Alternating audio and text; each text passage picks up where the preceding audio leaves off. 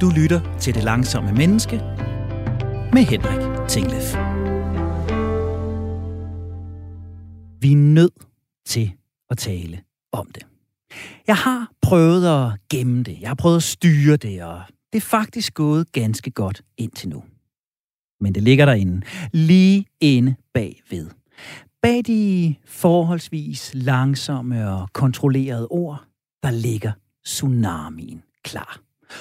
Ordstrømmen. Trangen til at træde på speederen, lade ordene flyde og sætningerne blive for lange. Behovet for at beskrive og uddybe, forklare, eksemplificere, opliste, illustrere. Behovet for at gøre det hurtigt, effektivt, underholdende og fængende. Lysten til at virke energisk, engageret, inspireret, eller faktisk ikke bare virke, være det. Giv udtryk for den begejstring, jeg føler, det engagement, jeg oplever, den lyst, jeg har til at dele det med hele verden. Jo før, jo bedre. Jo hurtigere, jo bedre. Og mange gange også, jo højere, jo bedre. I folkeskolen, der kaldte de mig Kim Schumacher. I gymnasiet oplevede jeg både elever og lærere omtale mig som buber, og jeg kan ikke tælle, hvor mange gange jeg, selv når jeg faktisk synes, jeg har talt ganske roligt og almindeligt, er blevet bedt om lige at sætte tempoet ned. Ord har du jo altid nok af, Henrik, som en kollega engang sagde til mig. Jeg kan godt tage fortæller stemmen på. Jeg kan godt træde ind i værtsrollen i radioen. Men jeg kan lige så hurtigt træde ud af den igen. Jeg kan glemme den, jeg kan miste den, især når der er noget, jeg virkelig brænder for. Når publikum stiller spørgsmål efter et foredrag, eller når jeg holder en workshop, kan jeg tale mig varm, nærmest høj, og så kommer ordene i en strøm så hurtigt, at jeg næsten ikke selv kan følge med. Sætninger bygger sig op i mit hoved hurtigere, end jeg kan udtrykke dem. Men jeg prøver ihærdigt alligevel. Og på intet tidspunkt overvejer jeg, at nu har jeg måske sagt nok. Eller det måske var bedre at sige lidt mindre og lidt langsommere, end at fyre det hele så hurtigt af. Er det noget, du kender, kære lytter? Sker det også, at taletempoet tager teten for dig? Det kan være ganske charmerende, men oftest frygteligt frustrerende. Både for den, der taler, og dem, der skal lytte til os. Skal det virkelig blive ved med at være sådan? Nej, vel? Det må vi kunne gøre bedre. Det må vi kunne gøre langsommere. Jeg hedder Henrik Tingle, for det her er det langsomme menneske på Radio 4. Programmet, der dokumenterer min og inspirerer din vej til at blive lige præcis det. Langsommere, roligere og gerne gladere i hverdagen. Dagens emne er langsom tale. Færre ord. roligere ord. Samtaler, der hænger sammen, og entaler, der ikke tager pusten fra hverken den, der taler, eller den, der lytter. Sammen med mine gæster, der forsøger jeg at kaste lys over, hvorfor stikker ordene af med os? Hvad gør det ved mig og dem, jeg taler med, når jeg knævrer afsted med Ferrari-fart? Hvad er der at opnå ved at tale roligere og langsommere? Hvordan gør man det egentlig? Hvordan tøjer vi tale tempo trangen? Jeg har inviteret to gæster i dag. Den første er en ekspert, der vil kunne hjælpe mig med nogle af de formelle spørgsmål. Og det var en stor fornøjelse at kunne byde velkommen i studiet til Claus Møller. Tusind tak. Claus, du er stemmecoach, du arbejder med skuespillere, politikere, erhvervsfolk, studieværter, og så er du underviser på Voice Coach Academy. Og inden vi starter, Claus, er der så noget, jeg lige nu kan gøre for at tøjer talestrømmen? Er der noget, jeg kan gøre for, at jeg i det her interview med dig ikke lader mig rive med, og det hurtige sprog løber af med mig? Det tror jeg bestemt, der er. Der er altid et spørgsmål om at trække vejret, men det har du allerede været lidt inde på, ikke? At man skal tage sig tid til at trække vejret. Ja. Og i virkeligheden derved så frasere sine ord, sådan at de ord, man siger, kommer til at hænge sammen, ikke i sætninger med et lille komma og et indskud og noget, der med efter, der kommer herhen, og vi skal lige nå at være færdige med noget, men i virkeligheden lave det, som du har gjort nogle gange nu også her, lave noget, der hele tiden er lidt mere velovervejet, så det kommer ned i din krop, så vi kan mærke, at din stemme i virkeligheden også kommer ned i et lidt dybere toneleje. For det vil være det næste. Vi ved, at hvis man spiller på en bas, så er det virkelig svært at spille hurtigt. Men hvis man spiller på violin, kan man spille virkelig, virkelig hurtigt herop. Ikke? Så i virkeligheden er det den her meget med at sige, hvor er din stemme henne i dit toneleje, og hvordan kommer du ned og finder det, som vi skal se lidt på. Så de to ting, prøv det. Så jeg skal play the bass. Ja. Jamen, øh, jeg skal prøve på bedste bas vis og lægge stemmen i det dybe, rytmiske toneleje.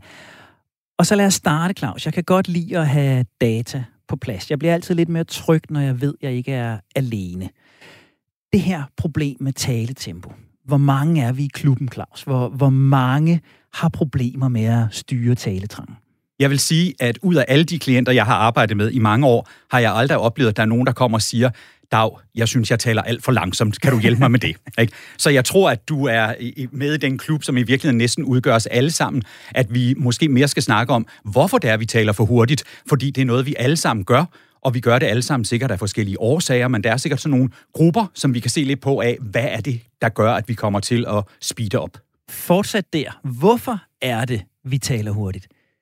For det første tror jeg, der er noget, der hedder nervøsitet. Ikke?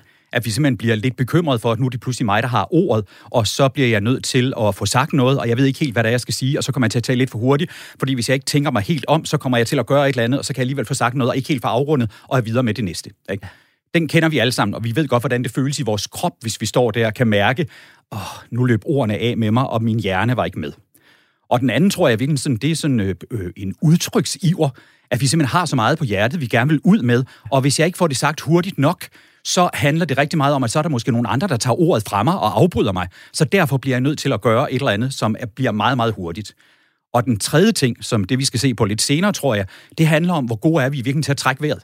Ja. Fordi hvis man kun kan, vi taler alle sammen på vores udånding, og hvis man nu kun kan ånde ud i 5 minutter, 5 sekunder, skulle det måske hedde her, så kommer vi i virkeligheden til at putte alle de sætninger, vi gerne vil sige, inden for de her 5 sekunder.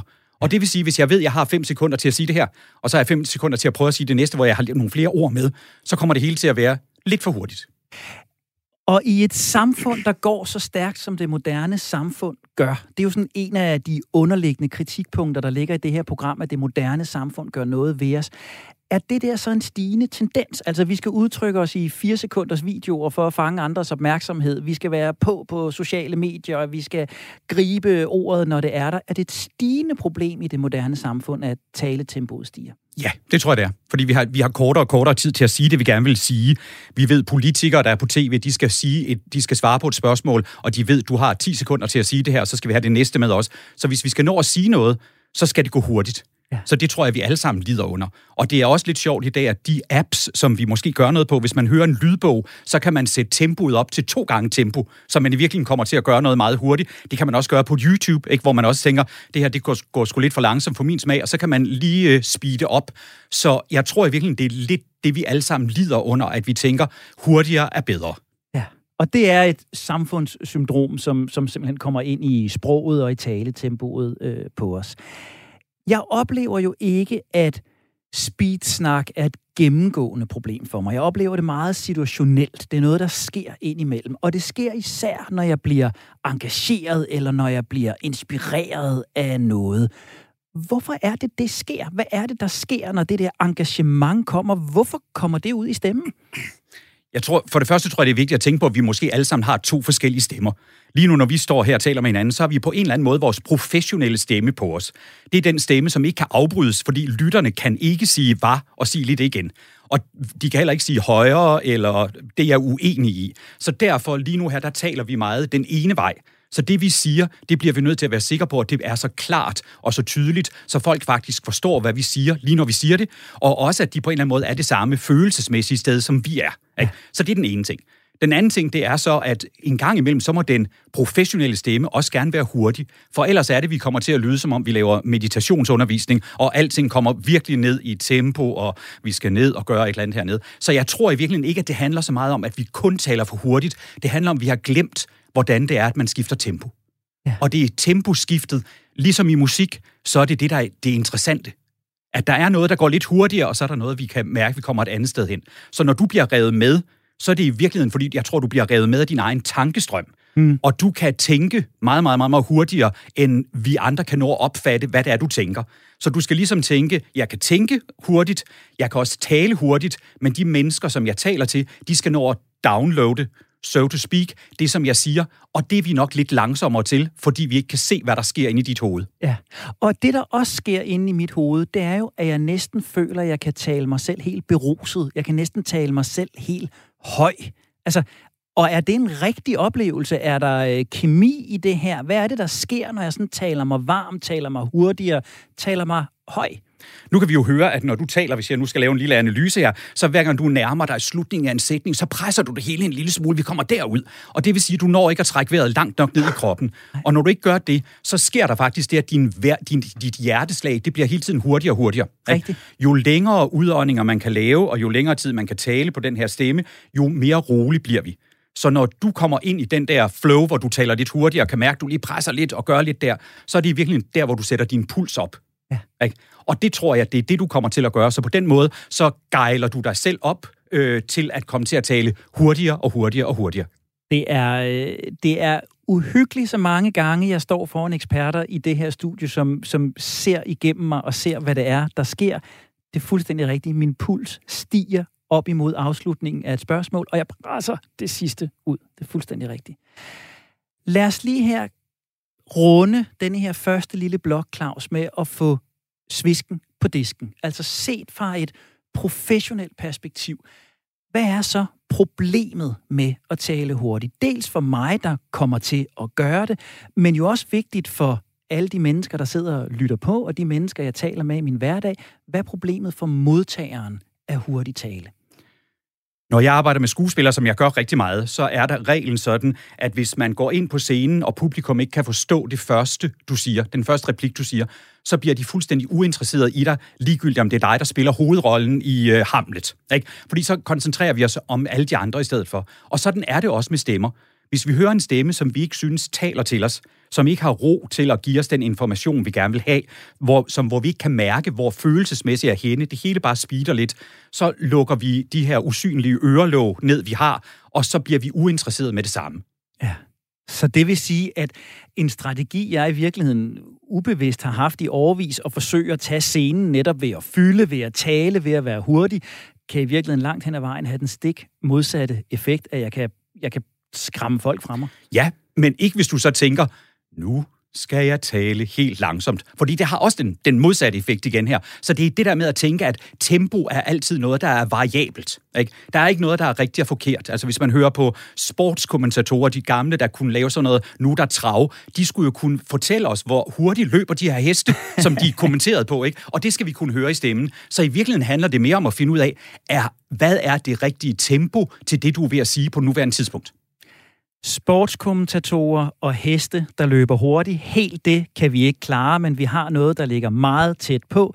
Stemmecoach Claus Møller, du bliver i studiet. Lige om lidt taler vi videre. Men først der skal vi tale med en, der har prøvet min rolle hundredvis, måske endda tusindvis af gange før.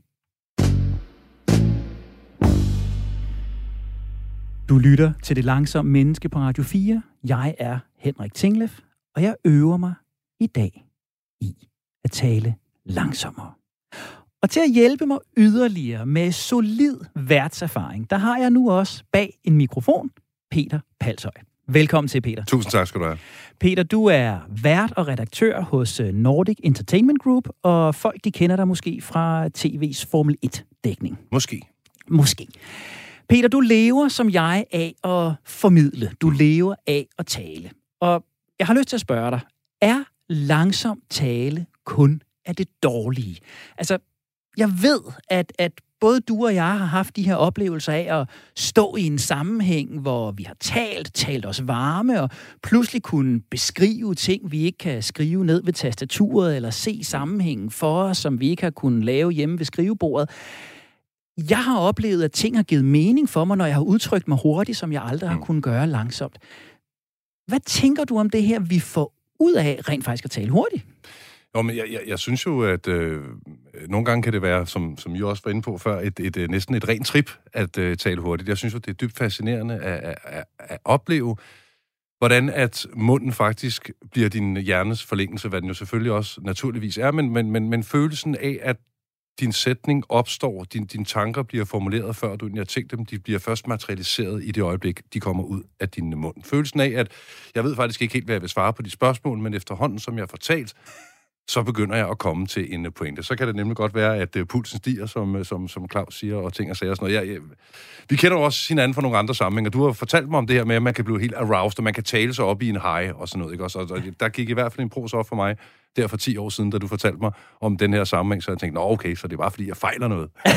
nej, men, men altså, men anyway, øh, nej, øh, jeg synes, der kom nogle rigtig øh, fremragende pointer fra Claus før, som jeg også øh, kender til, og som jeg også arbejder meget med, det er nemlig det her temposkifte. Men jeg har også den samme sygdom som dig, Henrik, at øh, jo mere ivrig jeg bliver, jo mere jeg får på hjertet, og jo mere jeg får lyst til at lidt stå her og forstå mig ret, at jamme en pointe frem, jo hurtigere begynder jeg at tale. Og så nogle gange, så kan jeg selv blive overrasket over, at hold nu kæft, der sad bolden op i trekanten, eller holdt op, og kom jeg flot i mål, og andre gange, så oplever jeg så også, at det var faktisk slet ikke det, jeg ville sige, fordi det gik for stærkt. Ja. ja. Mm. Men altså, det tænker jeg er en del af det at, øh, at være menneske, for det er jo sådan mere på det personlige plan. Vi rammer den ikke hver gang, og det gør vi ikke i nogen af livets øh, forhold. Og det er okay at slå en skæv, og det er okay engang, man nu kommer til at sige noget, noget værre sludder. Det, det, det er ærgerligt at sige noget, man ikke mener, for det har jeg ved Gud også kommet til at gøre mange gange, fordi jeg har fået talt mig op i en krog, hvor jeg tænker, nu er der ikke nogen vej tilbage for at bruge ordet potcommitted for poker. Du er potcommitted på det, den suppe, du er gået i gang med at brygge, og nu bliver du altså nødt til at servere den og spise den. Og, og, og det er selvfølgelig ærgerligt. Som i, så, så i så meget andet, når vi taler hastighed, langsomlighed, tempo, så er der en eller anden hårfin balance i det her, hvor det måske nærmere handler om balanceringen mm. af, af det høje tempo og det lave tempo, end det handler om langsomligheden for langsomlighedens skyld. Jeg er fuldstændig enig. Øh, jeg benytter mig også meget af det, som, som Claus taler om med, med, med temposkift. Jeg synes også, der, der er to forskellige, som, som hvad kan man sige, professionel øh, for, formidler. Altså, jeg, jeg arbejder som Formel 1-værk på to forskellige platforme. Enten så, så sidder jeg og læser noget op for en teleprompter i studiet. Det vil være et manuskript, der er skrevet på forhånd. Jeg har som regel selv øh, skrevet det, eller hvis der er andre, der har skrevet det, har jeg skrevet det om til mine egne ord. Der føler jeg mig meget hjemme. Her kan jeg komme til at tale ekstremt stærkt, fordi jeg faktisk ved, hvad der står. Jeg synes også nogle gange, der kan gå sport i at læse tingene lidt hurtigt. Det kan faktisk være ret sjovt.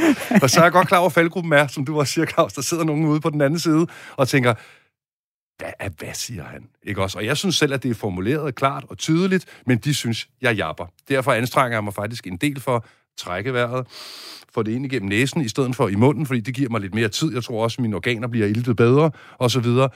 Derudover, så, øh, så prøver jeg at artikulere. Ja. Altså tvinger mig over i krogen til at være lidt mere øh, voldsom i min måde at flytte min mund på, fordi så ved jeg, at så kan jeg ikke tale så hurtigt. Det, der kan være udfordringen, der synes jeg, det er, at du kan også godt komme til at lyde en lille smule for artikuleret, og faktisk lyde en, jeg vil ikke sige nedladende, men måske sådan lidt, nu taler jeg lidt ned til dig. Yes. Så altså, jeg synes jo, som Claus også siger, det hele er en balance. Og tilbage til det, jeg var ved at sige før, fordi jeg har også en anden del af min, øh, min, mit arbejde, hvor jeg sidder og live-kommenterer, når de kører i racerbilerne. Ja. Og der sker der nemlig det, som du også siger. Der har jeg ikke noget manuskript længere. Der bliver jeg revet med af begivenheden, og der går det nogle gange ekstremt hurtigt. Andre gange, fordi de måske kører en træningssession, der var en time, der sker ikke altid lige meget, så bliver jeg også nødt til at sætte tempoet ned, simpelthen for at få tiden til at gå. Ja. Og også for at gøre det rart for seeren, der sidder derude. Ja. Så der er et eller andet i det gode formidlingssprog, som ikke bare handler om tempo, men som handler om bruge sprogets mange facetter, mm. bruge hastigheden til at understrege aktiviteten, understrege spændingen, mm. understrege måske det mm. virkelige tempo, der mm. foregår på mm. Formel 1-banen, men også arbejde med artikulationen, arbejde med pauserne, mm. når de er vigtige. Mm. Og så taler du, både du og Claus også før, om at bruge vejrtrækningen til selv at være med. Og så handler langsomligheden måske om at give den rare oplevelse for lytteren, men tricksene handler om at give den spændende eller den mm. medrivende oplevelse for ja, lytteren. Og så, og så synes jeg også, det er vigtigt at, at få skilt tingene lidt ad. For jeg synes jo, at du skal stadigvæk sidde med din familie eller dine venner, og hvad du nu gør i, i den sammenhæng, og blive at blive beruset af at snakke, og, og få, få, få, få, få skidesnakkeren på, for at sige det lige ud, ja. og, og så bare give den gas. Men, men, men, men når du så måske står her, eller du er ude og holde et foredrag, eller hvad du gør, er det måske bare en god idé for alle skyld, primært dem, du taler til, og som du måske endda har, har, har brugt mønt på at se dig tale, at de faktisk hører, hvad du siger. Ja. Og der synes jeg jo også, som Claus er inde på, at temposkiftet og pauseringen er e, e, ekstremt effektivt våben. Der er nogen, når de speaker, så når de siger øh, det vigtige ord, så lægger de tryk på ordet, hvor jeg synes jo, at det er mere spændende at holde kunstpausen før du siger det væsentlige. Så hvis du skal fra den erfarne vært til den noget mindre erfarne øh, radiovært her, giv mig nogle af, af dine tricks i, i skuffen, Peter. Hvor er det så, du lægger mærke til, at tempoet er ved at tage teten for dig? Hvor er det, du mærker, at det er ved at løbe af med dig? Hvad er dine advarselslag? Hjertebanken, som du også oplever. Jeg kan også selv mærke, når jeg får talt mig op i en krog, så, så mangler min krop simpelthen ilt. Hjertet begynder at, at slå hurtigere. Jeg kan også mærke det, når lige pludselig, at jeg simpelthen ikke kan nå at få sat mine læber og tunge på plads i forhold til det, jeg faktisk gerne vil sige. Så tager jeg indåndingen altid gennem næsen, aldrig gennem munden. Det tager længere tid. Du får fyldt mere luft. Så kan du komme videre. Det er også en god idé, som jeg har nogle, nogle, nogle skønne kolleger, blandt andet en producer, der godt kan finde på at komme i øret på mig og sige, tempoet. Ikke også? Og, og så ligesom få den der. Det, det, det er ikke en skam at bede om hjælp, og det er ikke en skam. Jeg ved også, du har en producer. Hun mm. kunne eventuelt også komme i øret på dig, eller han, alt efter hvilken dag det er, at sige, tempoet, Henrik. Det kan jeg love dig, Andreas ofte gør. Nu øh, sidder Katrine bare derude og vinker til mig i dag. Det er også gode tegn, men øh, jeg kender godt beskeden, ja. der hedder tempoet. Men igen synes jeg også, og øh, jeg kan jo snakke for evigt om det her, nærmest, ja, der, er også, der, der er også bare en fli af autenticitet i det her, som jeg synes er værd at tage med. Du er tydeligvis hurtig snakker. Nu bemærkede jeg, da du snakkede før, Claus, jeg tror sgu også, du er en lille smule hurtig snakker, fordi da du lige pludselig kom ind på dit, dit fagfelt og skulle, skulle fortælle, så begyndte du nemlig også at snakke hurtigt. Og det synes jeg et eller andet sted også er okay, fordi vi skal ikke glemme, hvem vi er, for det synes jeg er en del af det hele det der store samlede formidlingsbillede med, at der skal være sammenhæng mellem formen og indholdet og afsenderen. Den retoriske trekant, som det vist øh, sikkert hedder. Altså, det, det, det er enormt vigtigt, fordi hvis, hvis du begyndte, nu kender jeg det også lidt i forvejen, hvis du begyndte at tale enormt langsomt og helt ned i maven til mig, så ved jeg sgu ikke, om jeg vil stole på dig, Henrik. Nej, altså. du vil sandsynligvis tro, at jeg var på noget meget hæftigt medicin. Ja. ja. Så der er et gennemgående træk i det her, som i virkeligheden hedder, at vi for første gang i den her programrække støder på et felt, hvor vi siger, langsomlighed er ikke bare af det gode. Langsomlighed kan i virkeligheden komme til at gøre noget ved vores autenticitet. Langsomlighed kan komme til at gøre noget ved vores budskab, som ikke nødvendigvis er det gode, men det er den korrekte brug af langsomligheden, som vi skal fokusere på. Ja, og i hvert fald hvis du i forvejen er et hurtigt menneske, forstå mig ret, så tænker jeg, at, det, at så kan du godt tage den her langsomlige maske på. Men jeg tror, det er en hård, fin balance, og det er helt ude på knivsækken i forhold til, hvornår det kommer til at koste dig en lille smule af din uh, troværdighed. Jeg forstår udmærket, at skuespillere, studieværter og andre bliver nødt til at tale langsomt for at trænge igennem med budskabet. Men hvis det bliver talt på en måde, så jeg ikke stoler på, at den, jeg hører tale, i virkeligheden mener det, vedkommende siger, så er der noget andet, der går i stykker. Så det er et meget, meget fin mosaik af en, af en masse ting og sager.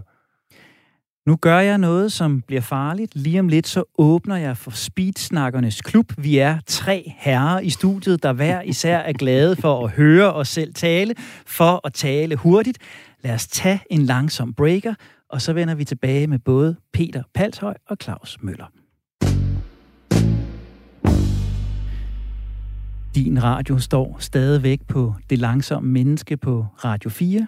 Jeg er stadigvæk Henrik Tinglef, og det her, det bliver ved med at være det program, der hjælper både dig og mig med at skrue ned for tempoet, op for livskvaliteten. Men om vi skal skrue ned for ordstrømmen og taletempoet, det er det, vi vil at blive kloge på. Med i studiet i dag, der er stemmecoach Claus Møller og vært og redaktør hos Nordic Entertainment Group, Peter Palshøj.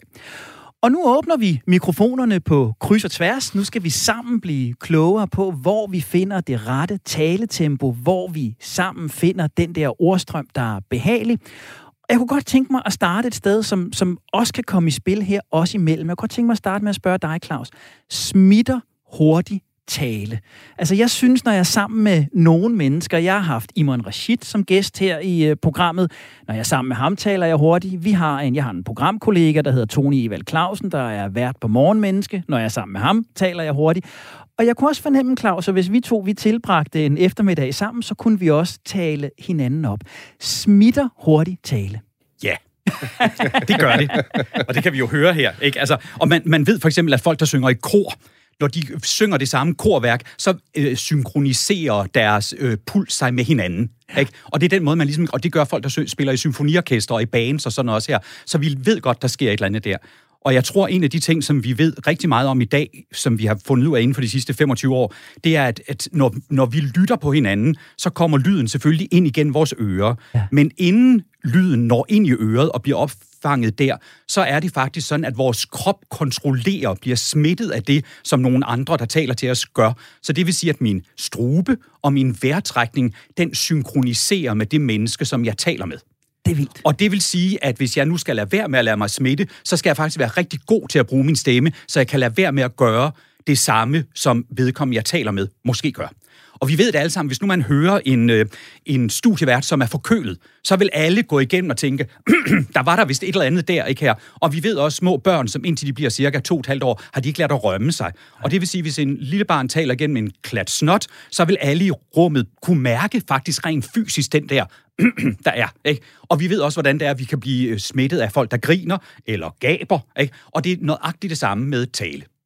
Bliver du smittet, Peter? Ja, jeg, jeg, jeg, jeg, jeg, jeg tror, jeg er udsat for en permanent virus. Nej, men, ja, øh, det gør jeg. Øh, jeg kender også nogle, jeg har både venner, der snakker hurtigt, jeg har også øh, venner, der øh, snakker langsomt. Men faktisk er jeg lidt øh, pas på det spørgsmål, fordi det har jeg aldrig tænkt på.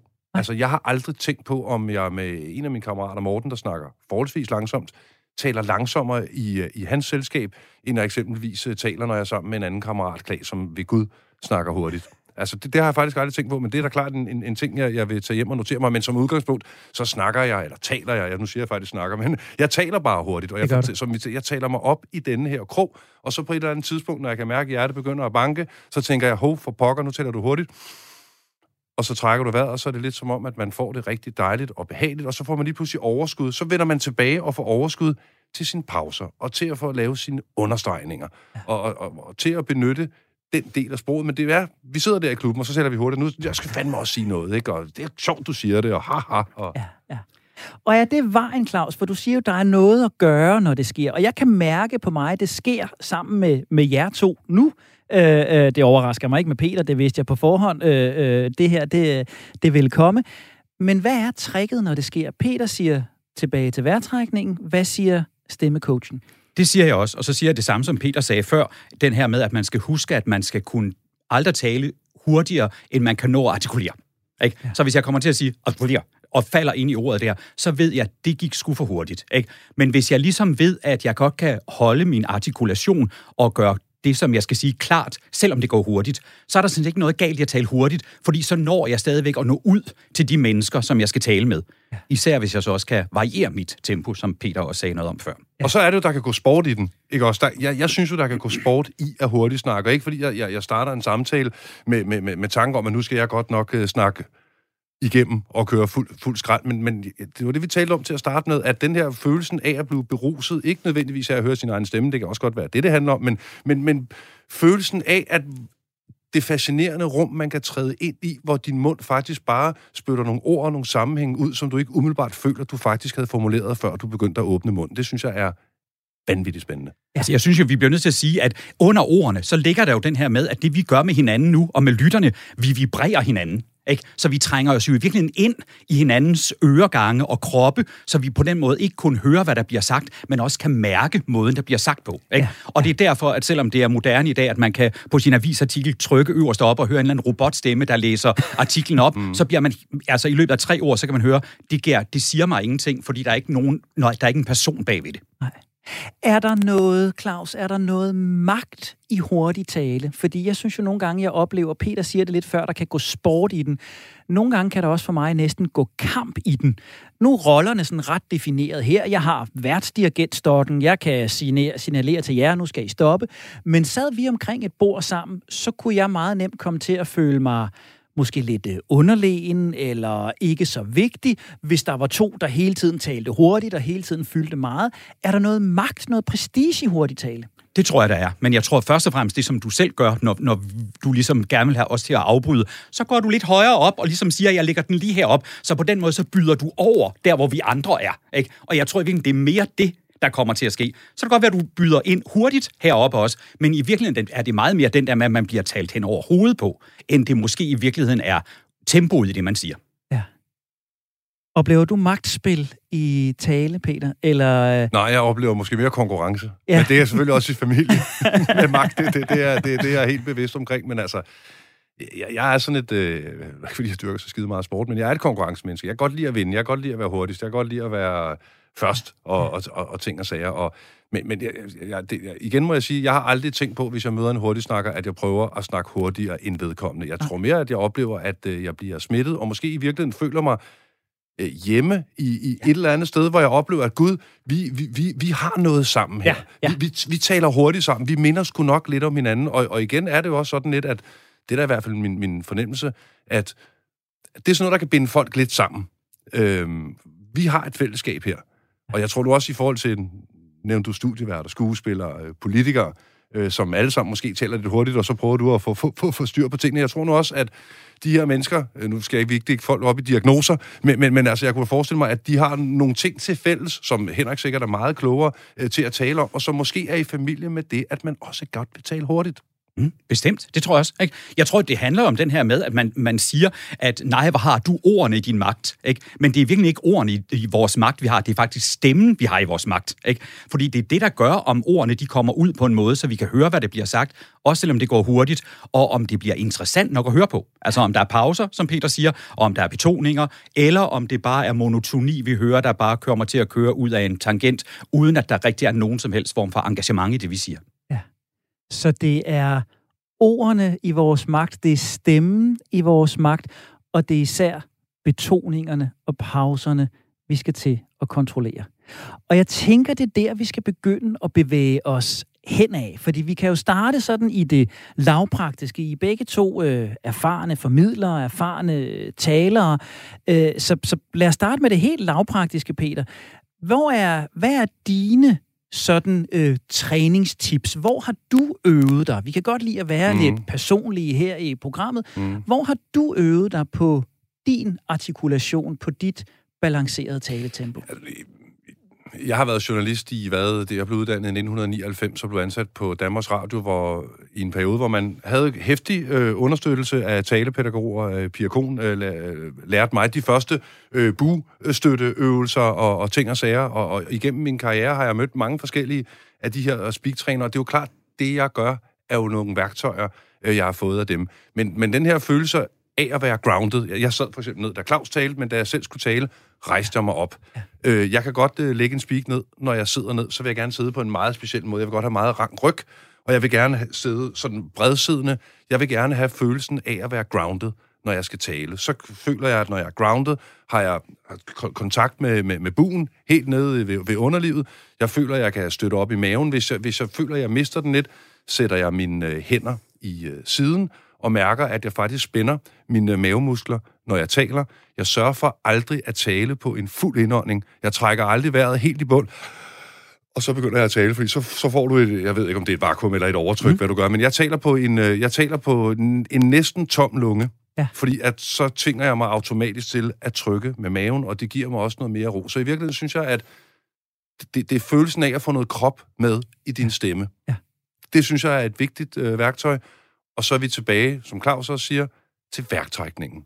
Uden den værktrækning, så har du ikke nogen krop, og øh, fordi du skal stadigvæk have ild ind til at, at, at lufte dit blod, eller forfrilte dit blod, men du kan ikke tale på den fulde indånding. Så, så der er nogle helt, helt basale teknikker her, som, som Claus sikkert, tror jeg, er, er noget mere øh, øh, dygtig til at, øh, at tale med, men jeg har ligget på ryggen, og, øh, og med, med, med sådan i en fødende stilling, øh, og, og ting og sager, for, for at mærke, min, min bostøtte. Jeg, jeg træner selv nogle journalistpraktikanter ude på, på min arbejdsplads, og det er enormt grænseoverskridende, når man jo ikke, som, som Claus er uddannet i det her, at fortælle folk og holde dem i siden, og kan du mærke, det, det spænder? For der sker også noget, når folk, der ikke er vant til at tale professionelt, går ind i en speakbox. Det er et ubehageligt rum, ja. fordi at nu bliver du optaget, og der er nogen, der kan høre dig, og vi vil alle sammen lyde godt.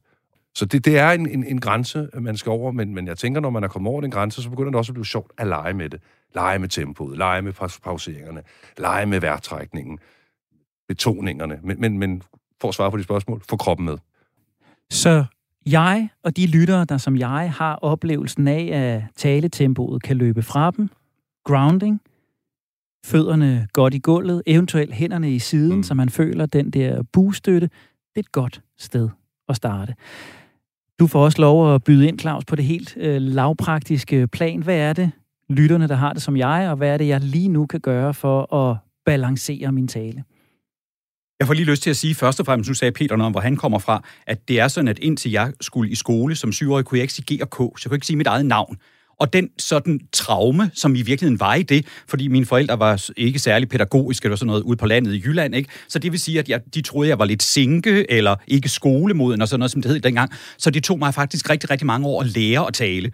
Så derfor for mig er det her, som jeg gør, det er på mange måder noget tillært. For det var ikke noget, der bare kom. Jeg var bestemt ikke nogen talende barn, og heller ikke nogen talende teenager. Det var først noget, der kom senere. Ikke? Så det er noget, man på den måde godt kan lære. Men jeg vil så sige helt sådan, øh, så er jeg helt enig med Peter i den der. Jeg synes, at i dag så ved vi måske en lille smule mere, at man kan sige, at øh, vejrtrækning gennem næsen er i virkeligheden, måske i virkeligheden, det går for langsomt, når vi skal tale. Så kan det godt være, at vi gerne vil have den langsomme vejrtrækning, men jeg tror i virkeligheden på, at det handler om at trække vejret lydløst igennem munden, for det giver meget, meget, meget, meget bedre ting.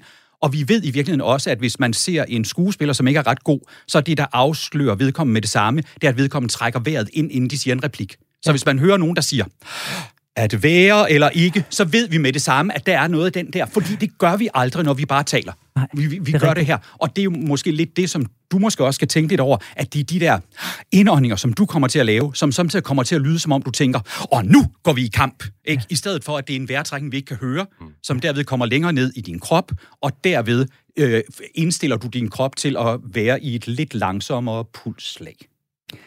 Og det får du lov til at hjælpe mig meget mere med, og jeg er sikker på, at Peter leger med om et kort øjeblik. Du lytter til Det Langsomme Menneske på Radio 4. Jeg er Henrik Tinglef, og vi er nu nået til et af de her segmenter i programmet, som jeg altid frygter lidt. De næste 10 minutters tid, måske endda lidt mere, Claus, der øh, overlader jeg roret til dig. Du får mulighed for at lære mig og de lyttere, der måtte have samme udfordringer som mig, lavpraktisk, konkret, hvordan vi kan arbejde med vores stemme, hvordan vi kan arbejde med vores taletempo. Det bliver jo selvfølgelig bare en smagsprøve, øh, bare et lille eksempel på, hvad vi alle sammen kan gøre for at tøjle denne her øh, sådan tale-tsunami inden et møde, før talen til Moster Agates øh, fødselsdagsreception, eller før Peter og jeg går i studiet eller speakboxen. Så du taler, Peter og jeg lytter, vi øh, følger dit lead. Æderen er din. Jeg har taget et lille digt med. Ikke fordi jeg synes, at vi skal gøre dig til digtoplæser, men det gode ved nogle digte, blandt andet det, som du skal prøve at læse op for os nu her, det er, at øh, digteren Benny Andersen i det her tilfælde, han faktisk har skrevet det på den måde, som vi taler. Så der er nogle sætninger, der er lange, nogle, der er korte, nogle, der kun er et ord. Yes. Så hvis nu jeg øh, øh, ja, giver dig den her, og du i virkeligheden bare prøver at læse fra toppen, og så skal jeg nok stoppe dig efter øh, nogle sætninger. ja, tak. Hele Danmark lytter med, det er jeg slet ikke opmærksom på. Jeg er bare til stede. Jeg grounder mine fødder, som Peter lærte mig, og så læser jeg. I dag skal der leves, folkens. Vi er allerede i gang. Startede tidligt i morges. Vand i ansigtet, kaffe i halsen, et rask skænderi og lidt morgenavis. Stop bare der. Prøv at lægge papiret ned, og så lad os efter, om vi kan gøre det her bedre, om du simpelthen kan mærke noget andet. Prøv at stille dig med lige meget væk på begge ben, og prøv engang at putte dine tommelfinger i navlen, og brede de andre fingre ud, så du ligesom står med dine sixpack-muskler. Øh, det er godt til, at det er radio. I, øh, med i, med godt, i hånden. radio. Prøv at lægge din hånd fladt på din mave. Ikke? Ja. Og så prøv at gøre det, som ingen af os bryder sig ret meget om. Prøv at spænde så meget af i maven som overhovedet muligt. Det vil sige, og kan du gøre det, så det kun er maven, så det ikke er hele din krop, der falder sammen, men dit brystben faktisk bliver ved med at være nogenlunde det samme sted. Ja. Og herfra, der skal du bare prøve helt langsomt en gang at trække navlen ind imod rygsøjlen. Hvis jeg skal være... Og prøv, prøv at lade være med at tænke vejrtrækning nu. Lige det er kun en maveøvelse. Okay. Så du tænker bare, at navlen den går ind. Hvis jeg skal være sjov, plejer jeg at sige, at navlen skal kysse din rygsøjle, så du selv finder ud af, hvor langt der er ind til den. Hold spændingen lidt, og slip igen. Godt. Det vi gør nu her, det er virkelig at se efter, om vi kan få din udåndingsenergi til at fungere bedre, end den gør. Fordi det eneste, jeg er interesseret i, det er din udånding. Din indånding, den skal have lov til at passe sig selv. Okay. Nu skal du gøre det samme med maven igen, og den her gang, så skal du prøve at puste, samtidig med, at du trækker maven ind. Så du siger... Wow. Og så skal man lige tænke sig om. Ja, nemlig. Og så slipper du maven igen. Og tjek den der med, at hver gang du slipper maven, så er der blevet undertryk ind i dine lunger, og så bliver luften suget ind i dig, i stedet for at du skal tænke på at trække vejret. Så ja. vi også undgår de der ting. Ikke? Det næste, vi skal prøve at se efter, det er, om vi kan få dig til at lave noget vibration på den her. Så du skal stadigvæk bevæge maven indad, og nu skal du i stedet for kun at puste, skal du nu prøve at sige... Ja, tak. Ja. Skal vi vede på, at det her det er et af de klip, der bliver klippet ud til teaser for programmet? Ja, tak. Og prøv, prøv, t- Ikke træk den, vejret, nej. Lige præcis. Prøv bare at spænde helt af i maven først. Nu står jeg på den anden side af bordet, men jeg kan godt se, at din mave den kan godt spænde mere af endnu, end der, hvor du er nu. Så du faktisk kommer ned og grounder, som Peter sagde noget om før. Og så prøver du bare at trække maven indad og sige... Super godt. Super, super, super godt her. I virkeligheden er det den energi, du taler på. Ikke? Og nu har du allerede begyndt, som vi snakkede om før, at vibrere os. Vi kan simpelthen mærke, at der er noget vibration i dine læber her. Ja. Vi laver lige det fjerde, det fjerde og sidste Ja, ja, træk tak. på den her. Nu skal vi have dine stemmelæber med os. Så tak. i stedet for kun at sige... Nu skal du prøve at sige... Og det er altså øvelser, jeg plejer at lave med folk. Det er ikke nogen, der er opfundet der er specielt opfundet for at hænge dig ud. Okay, godt Peter også er her, selvfølgelig. Spænd helt af i maven først. Lad maven hænge. Det er så godt. Og så indad med maven og lave...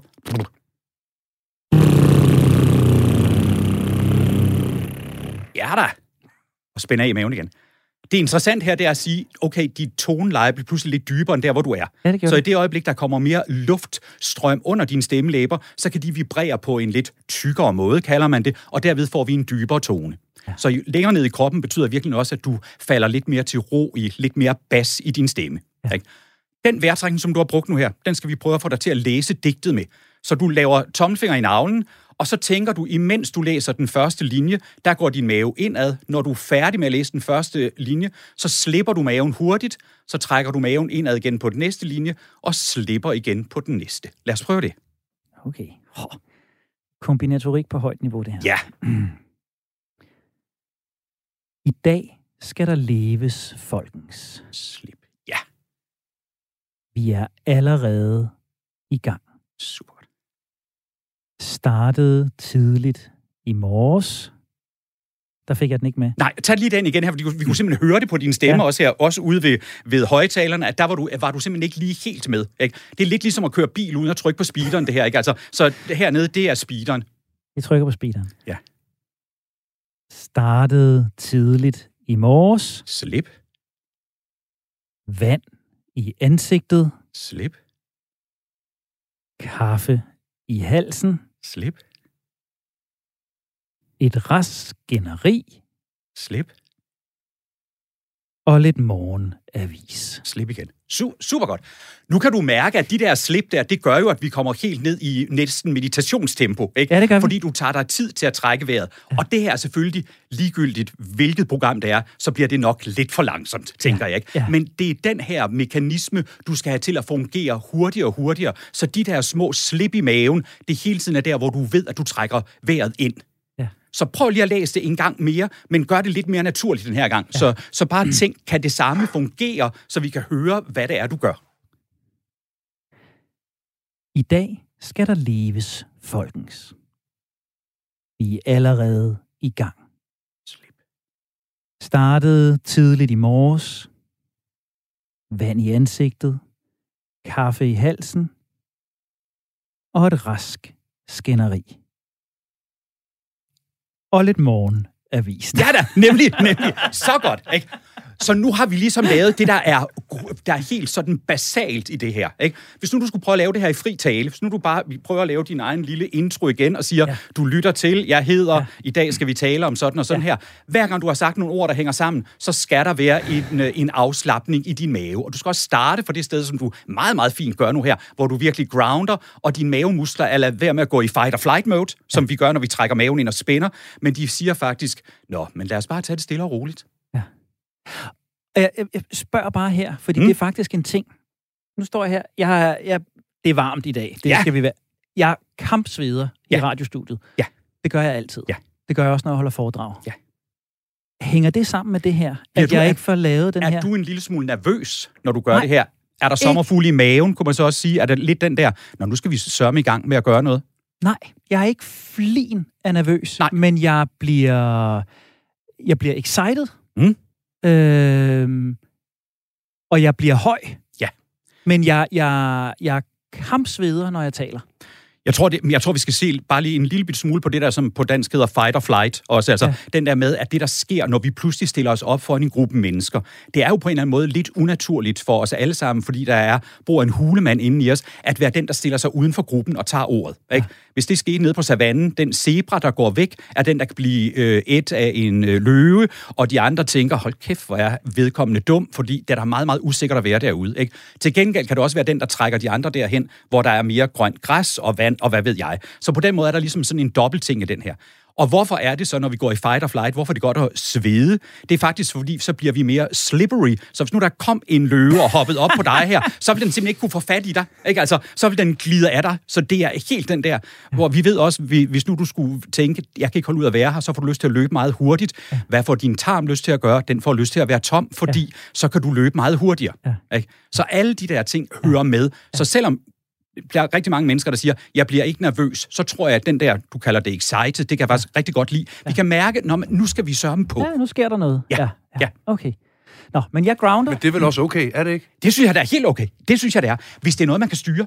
Ikke? Og hvis man ikke synes, at det er sådan, nej, nu banker mit hjerte, fordi det er sådan en skala, hvor vi ligesom kan komme helt over på noget panikangst. Ikke? Mm. Men jeg synes da, at det ville da være mærkeligt, hvis man ligesom tænkte, nu sidder der en hel masse mennesker og lytter til mig, og jeg er sgu lidt ligeglad. Ikke? Ja, altså, ja. Så jeg tror, det er, den er helt vildt vigtig. Så skal vi bare vide, hvorfor det er, og ikke tænke, nå, ja. men så sveder jeg. Og ja. sådan er det. sådan er ikke? det. Ja, jeg bliver tør i munden, jeg skal huske at drikke noget mere væske, fordi det er også en del af det. Ikke? Ja.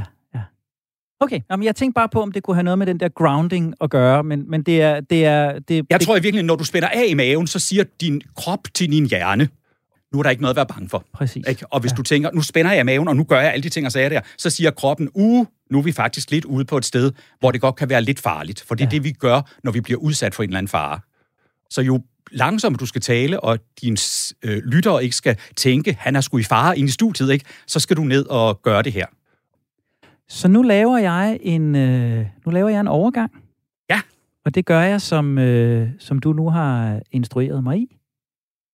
Og øh, jeg sætter nu tommelfingeren i maven. Og nu kan I jo høre, kære lytter, om øh, det her det er anderledes, end det plejer at være. Vi tager den her.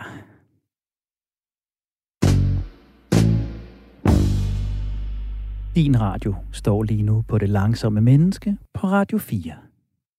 Det her er programmet, der hjælper dig og mig med at skrue ned for tempoet og op for livskvaliteten. I dag, der skruer vi ned for ordstrømmen og op for meningen. Jeg hedder Henrik Tinglef, og med mig i studiet har jeg stemmecoach Claus Møller, samt vært og redaktør hos Nordic Entertainment Group, Peter Palshøj. Jeg synes, du har bestået. Ikke? Altså, fordi det, var, det er faktisk mange ting, du får omsat til at gøre noget helt andet, end det du plejer. Ikke? Man kunne også godt se, at du så øh, øh, koncentreret ud, mens du gjorde det ikke her. Ikke her? Ja, ja, ja. Og der var noget der. Men, men det der, det gør pludselig, og jeg synes måske, den vigtigste ting, det er, at vi pludselig kan høre meget mere bas i din stemme. Mm-hmm. Ikke? Så vi simpelthen pludselig kan høre, at på en eller anden måde, så det du siger, det kommer til at lyde, som om du mener det endnu mere. Ikke? Hvis jeg kommer til at gøre sådan her, så, så kan jeg måske blive lidt i tvivl om, det hele er en lille spøj. Så jeg skal finde min indre bas frem.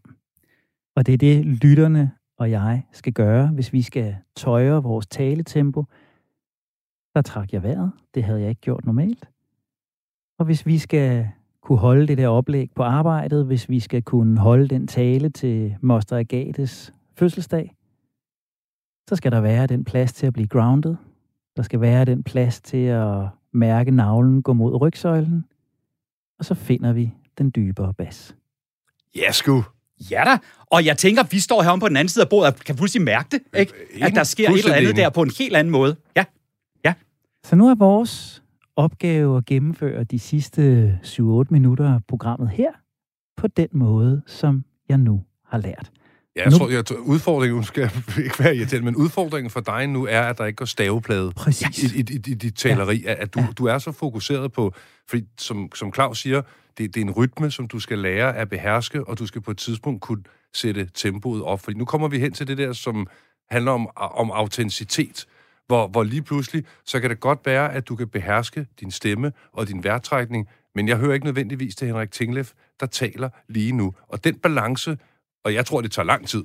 Det tager lang tid at komme derhen. Det er det, du skal arbejde ja. med nu, for ellers så kommer de sidste syv minutter til os til at tage 14 minutter. ikke også? Altså.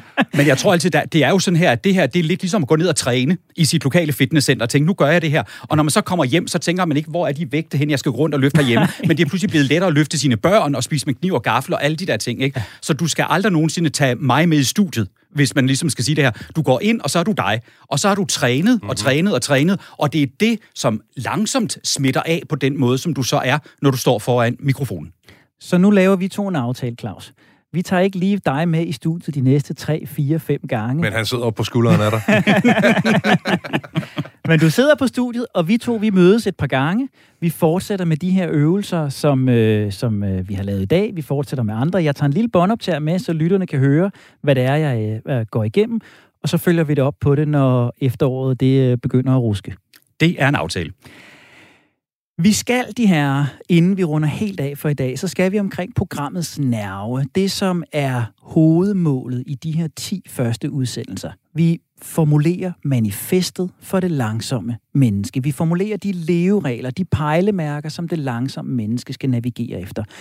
Så lad os prøve sammen at opsummere essensen af den samtale, vi har haft i dag. Hvad er det, det langsomme menneske skal navigere efter? Hvad er det, det langsomme menneske skal forsøge at gøre for at finde det rette stemmeleje, det rette toneleje, det rigtige taletempo? Peter, hvordan vil du formulere sætningen i manifestet? Jeg har jo snydt og lavet en kage på forhånd. Men jeg, jeg, jeg, jeg sad og tænkte længe over det her i går, fordi det, jeg har skrevet uh, artikulere og træk vejret. Brug din vejrtrækning til at give din talestrøm en pause, du med fordel også kan bruge til at understrege eller blot som en kunstpause. Bum.